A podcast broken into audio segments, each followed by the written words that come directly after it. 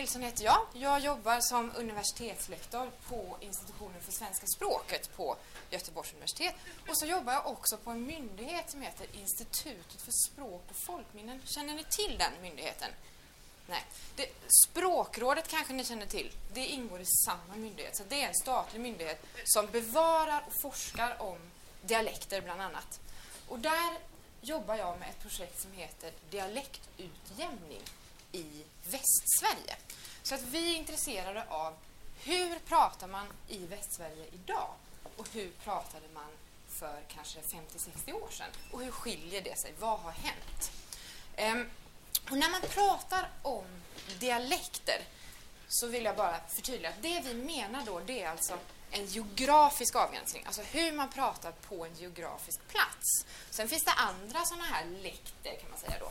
Eh, idiolekter till exempel, det betyder hur varje enskild individ talar. Eller sociolekter, hur olika socialgrupper eller så talar.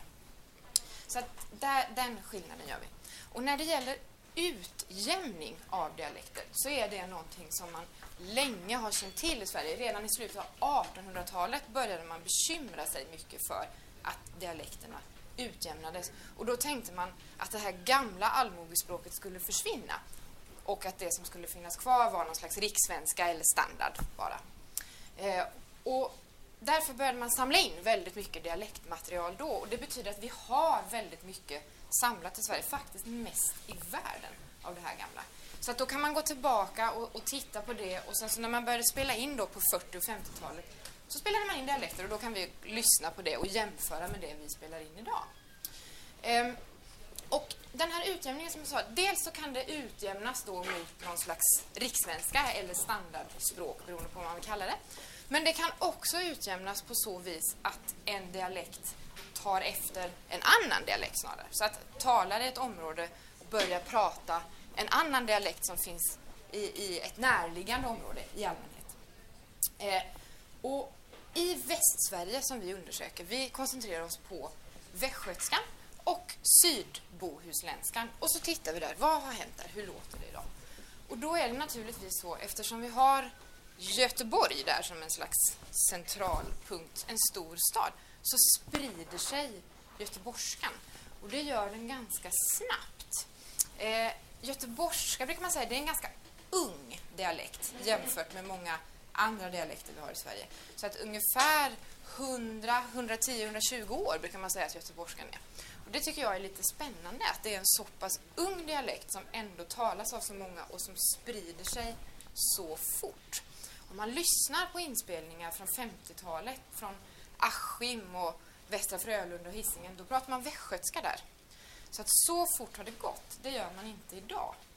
Och om man tittar tillbaka, ja, en 15-20 år tillbaka till tiden så vet vi att göteborgskan har spridit sig till ungefär ja, en radie runt Göteborg om kanske 3-4 mil. Så att Kungälv, Allingsås, Kungsbacka och så däremellan kanske ja, Bollebygd ungefär. Där vet vi att, att så ser gränsen för göteborgska ut idag ungefär. Och sen kan det finnas talare där som fortfarande talar bohuslänska eller västgötska också. Men göteborgskan har spridit sig där och fått fäste. Så att i det här projektet jag jobbar med så var vi alltså intresserade av men hur ser det ut lite längre ut idag? Hur långt har göteborgskan egentligen spridit sig? Och då valde vi ut eh, orter i Västsverige. Vi valde ut eh, Stenungsund och så lite längre upp Uddevalla. Så valde vi Vara, Skara, Trollhättan, Sollebrunn och så Kinna och Borås. Och så åker vi dit och så har vi med inspelningsutrustning och så spelar vi in folk på plats. Och framför allt så har vi spelat in ungdomar. Därför att det är ungdomarna som står för liksom nästa steg i den här dialektförändringen. Så att vi spelar in dem, så tar vi med det materialet hem och så sitter vi och lyssnar på det. Och då lyssnar vi efter vilka ljud använder de här ungdomarna idag. Och vilka eh, böjningar på ord använder man till exempel. Och vi lyssnar också lite grann på hur låter deras prosodi som vi säger, vilket är alltså hur satsmelodin låter. Och om man tar till exempel exemplet göteborgska så, så får man en uppfattning om vad prosodi är. Om, om jag tar bort alla ord ur göteborgskan och alla ljud och böjningar och bara säger så här. La, la, la, la, la, la, la, la. Då hör ni att jag är från Göteborg, eller hur? Och det är prosedin, eller satsmelodin. Och den undersöker vi också. Hur, hur låter den idag? Låter man göteborgsk eller låter man västgötsk eller, eller bohuslänsk på de här platserna? Ehm, förutom att undersöka ljud så undersöker vi också vad de här personerna vi spelar in har för livsstil. Genom att fråga dem en massa saker, hur de gör på sin fritid, hur de ser på en massa olika saker. De får svara på en enkät och fylla i svar på en massa frågor som handlar om vilka de är, om de hellre vill flytta till en större ort och sådär. Så kopplar vi det till vilka ljud de använder för att se om det finns något samband i det här, alltså för att försöka förklara varför förändras dialekterna?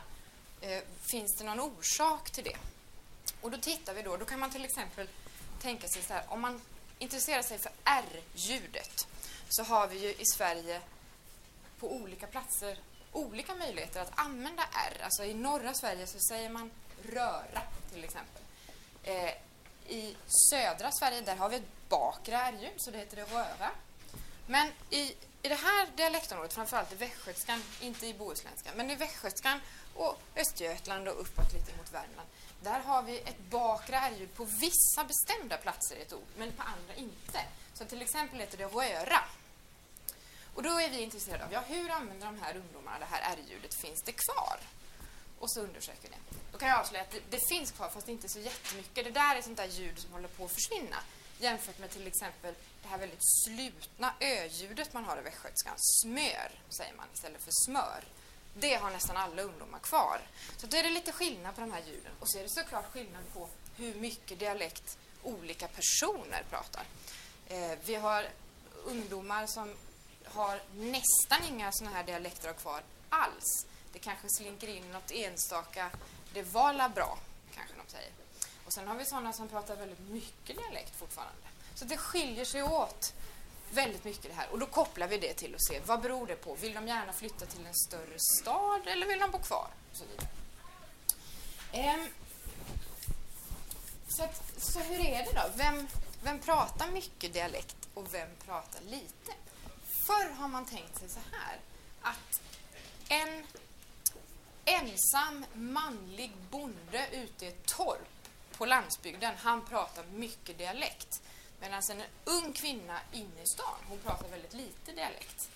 Och det där, det är inte riktigt sant längre. Det stämmer inte riktigt så. Det finns andra saker som styr hur mycket dialekt man pratar och inte. Hur mycket kontakt man har med andra naturligtvis. Men radio och TV finns idag, så man kommer i kontakt med andra dialekter mycket mer än vad man gjorde förr. Man är inte lika isolerad längre, helt enkelt. Eh, och hur har då göteborgskan spridits i regionen? Ja, i västgötskan, där hittar vi nästan ingen göteborgska idag alls utanför det här området. Då. Så att i, i Kinna och Skara och så där, där, där använder man inga göteborgska drag överhuvudtaget. Det finns inte. Men om vi däremot går uppåt längs kusten till Stenungsund, där låter alla ungdomar vi spelar in väldigt göteborgska. Och de bohuslänska drag som de har kvar, det är sådana drag som faktiskt också finns många gånger i göteborgskan. Så till exempel sådana här ljud som man säger konstigt istället för konstigt. Det finns i Göteborg och det finns i Bohuslän. Och då har man kvar de där ljuden. Ett annat ljud som man har kvar väldigt mycket i Stenungsundsområdet det är det här eh, frikativa eller främre i-ljudet. Alltså man säger fint. Och det gör vi här i Göteborg också. Skillnaden är att i, i eh, bohuslänskan så kan man också ha det när det är en kort vokal. Alltså eh, fins heter fins och fisk känner ni säkert igen. Sill och det har de inte kvar alls lika mycket. Det här ljudet är inte lika vanligt utan det är det långa ljudet som är mycket vanligare. Och det kan nog vara så att det är för att det också finns i Göteborg. Så att det finns liksom en, en, ett gemensamt språk som liknar varandra ganska mycket i den här regionen. Då var det så här, när vi var uppe i Stenungsund och spelade in, då kom det ganska många ungdomar därifrån från Körn. Och Skärhamn och Rönning på Körn. Och de ungdomarna lät också göteborgska. Och det hade vi inte förväntat oss. Vi trodde att man pratade ganska mycket bohuslänska fortfarande ute i, i kustbandet.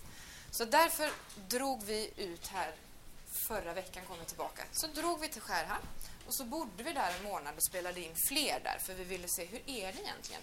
Finns det ungdomar i Skärhamn som pratar bohuslänska fortfarande och hur pratar deras föräldrar och deras mor och farföräldrar? Och då kan jag avslöja, det här är alldeles rykande färskt med andra ord, att man pratar faktiskt eh, ganska mycket göteborgska i Skärhamn i de yngre generationerna. Men det finns också personer som har kvar ganska mycket dialektala drag. Och kommer man upp i åldrarna lite, eh, om man spelar in personer i 40-50-årsåldern, då finns det sådana som pratar väldigt mycket bohuslänska och sådana som pratar nästan bara göteborgska. Och de lever sida vid sida alltså här. Så att man kan säga att det är här det händer. Om ni är intresserade av dialektförändring, åk till Tjörn. För där kan man få, där, det är där det händer nu. Ehm, och hur tror man då, många frågar ofta mig så här, men hur blir det nu då? Om dialekterna utjämnas och förändras, vad kommer hända om 50 år? Kommer det inte finnas några dialekter kvar? Och det tror vi att det kommer att göra. Vi tror nämligen att den här förändringen som håller på att ske kommer att avstanna nu ganska snart. Det är väldigt lurigt att säga om framtiden, men vi tror det därför att många av de ungdomar som vi frågar om de pratar dialekt säger nej, vi pratar inte dialekt, vi pratar normalt. Och det där tyder på att det finns en en liten förändring i attityd. Många äldre människor vi träffar är väldigt medvetna om sin dialekt. De kanske inte fick prata dialekt i skolan när de var barn. De var tvungna att lära sig en mer riksspråklig variant. Och den här attitydförändringen gör ju naturligtvis att man inte... Alltså, det, blir inte det blir inte lika stigmatiserat eller markerat att prata dialekt. Och då finns det naturligtvis möjligheter för dialekten att stanna kvar mer. Det är också många ungdomar som säger att, att, det, att de tycker om sin dialekt. Det är gött, säger de ofta. Det är gött att prata dialekt. Och då kommer de ju kanske att vinnlägga sig om att ha kvar den. Så att förmodligen kommer det kommer inte utjämnas så mycket att vi inte har några dialekter kvar. Det tror vi inte. Eh, om man ska sammanfatta det här nu då, alltså hur har de västsvenska dialekterna förändrats? Så skulle jag säga så här de har förändrats på lite olika sätt beroende på vilken ort man är på och vem man pratar med. Så dels har vi den här utjämningen som går mot standard, alltså att man, man tappar dialektdrag, man har färre och färre eh, västgötska drag i sitt språk och närmar sig mer och mer ett standarduttag. Så att man i Kina idag så säger många röra istället för röra. Så att den skillnaden har vi. Sen är det också så att på andra platser, till exempel Stenungsund, då är det göteborgskan som tar över. Alltså den sprider sig här i regionen. Och då talar man alltså fortfarande dialekt, fast en annan dialekt istället. Så, att man bevarar kanske vissa av de traditionella dragen som finns kvar. Så, så kan man säga. Och helt sammanfattningsvis så kan man också säga att den största förändringen som jag ser det är att inte lika många talar lika mycket dialekt idag som man kanske gjorde för 50-60 år sedan. Men de finns kvar, om än i lite annan form.